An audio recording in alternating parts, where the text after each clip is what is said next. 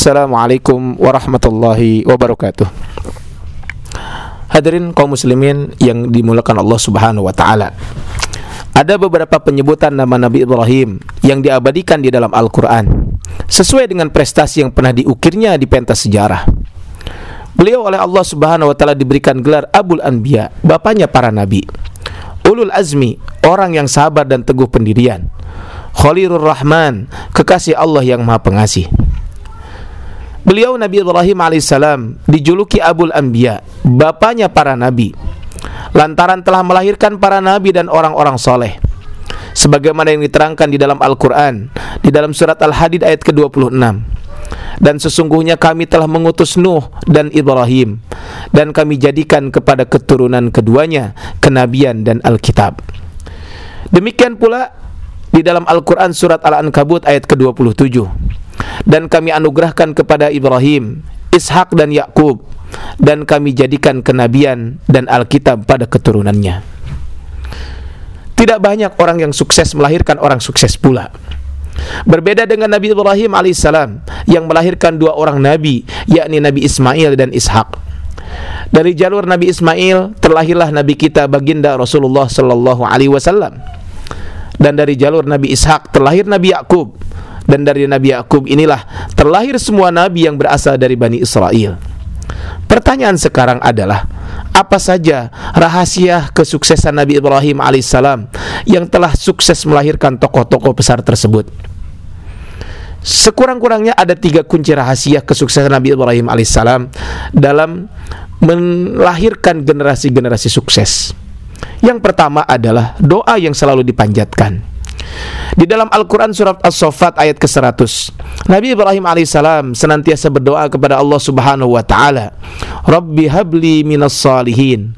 Wahai Tuhanku, karuniakanlah aku keturunan yang soleh. Doa tersebut selalu dipanjatkan oleh Nabi Ibrahim alaihissalam jauh sebelum beliau menikah Atau sebelum mempunyai anak. Beliau tidak henti-hentinya meminta kepada Allah agar dikarunia anak yang soleh. Beliau tidak semata meminta dikaruniakan anak, akan tetapi juga memiliki visi misi agar anaknya kelak menjadi anak yang soleh. Beliau Nabiullah Ibrahim alaihissalam tidak pernah putus asa dalam berdoa dan baru pada usia yang ke-86 tahun Allah memberikan karunia putra sebagaimana yang diminta dalam doanya. Allah menyebutkan di dalam surat As-Saffat ayat 101, "Fabasyarnahu bighulamin halim."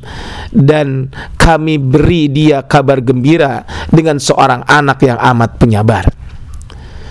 Bagi saudara-saudara kita yang mungkin saat ini sudah memasuki usia pernikahan, bersegeralah memohon kepada Allah sebagaimana doa di atas. Demikian juga para suami yang istrinya sedang hamil. Jangan pernah berputus asa untuk memohon agar dikaruniakan anak yang soleh dan solehah.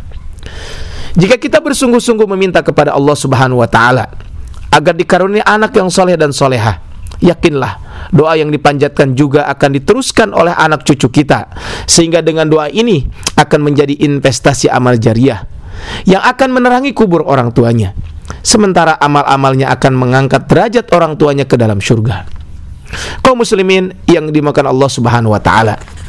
Kunci sukses yang kedua yaitu kesabaran dan ketaatan secara totalitas.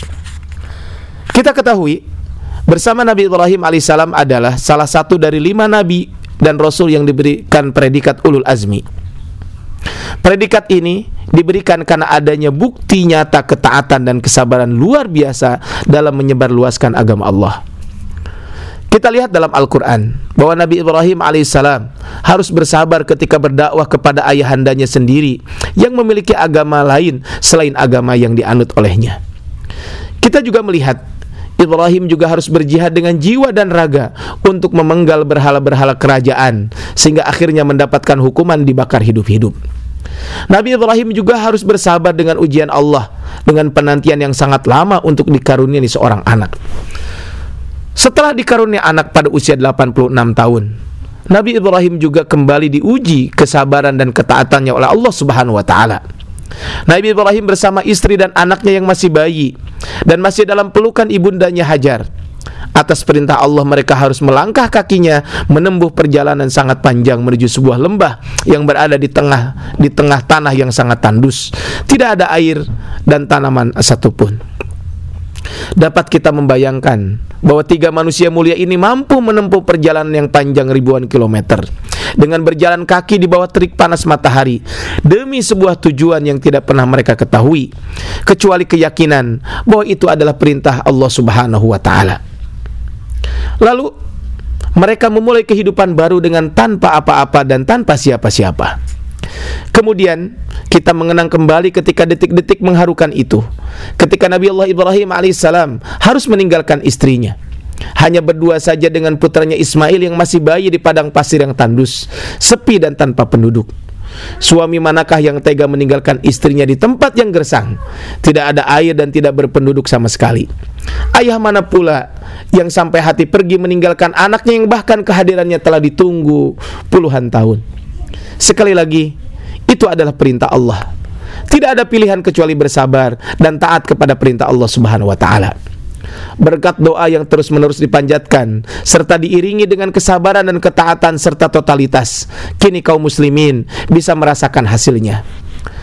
Ka'bah yang pada mulanya di Ka'bah yang pada mulanya dibangun dan ditawafi hanya oleh tiga manusia mulia yaitu Nabi Ibrahim, Siti Hajar dan Ismail. Kini setiap tahunnya dikunjungi jutaan manusia dari seluruh penjuru dunia. Inilah bukti doa Nabi Ibrahim alaihissalam di dalam surat Ibrahim ayat ke-37. Ya Tuhan kami, sesungguhnya aku telah menempatkan sebahagian keturunanku di lembah yang tidak mempunyai tanaman-tanaman di dekat rumah Engkau Baitullah yang dihormati. Ya Tuhan kami, yang demikian itu agar mereka mendirikan sholat. Maka jadikanlah hati sebagian manusia cenderung kepada mereka dan beri rizkilah mereka dari buah-buahan. Mudah-mudahan mereka bersyukur. Berkat ikhtiar dan doa, ketaatan dan kesabaran Nabi Ibrahim berbuah hasil yang bisa kita lihat sekarang. Jazirah yang dahulunya tandus dan gersang kini telah berubah menjadi salah satu kawasan yang paling aman, kaya dan makmur di muka bumi.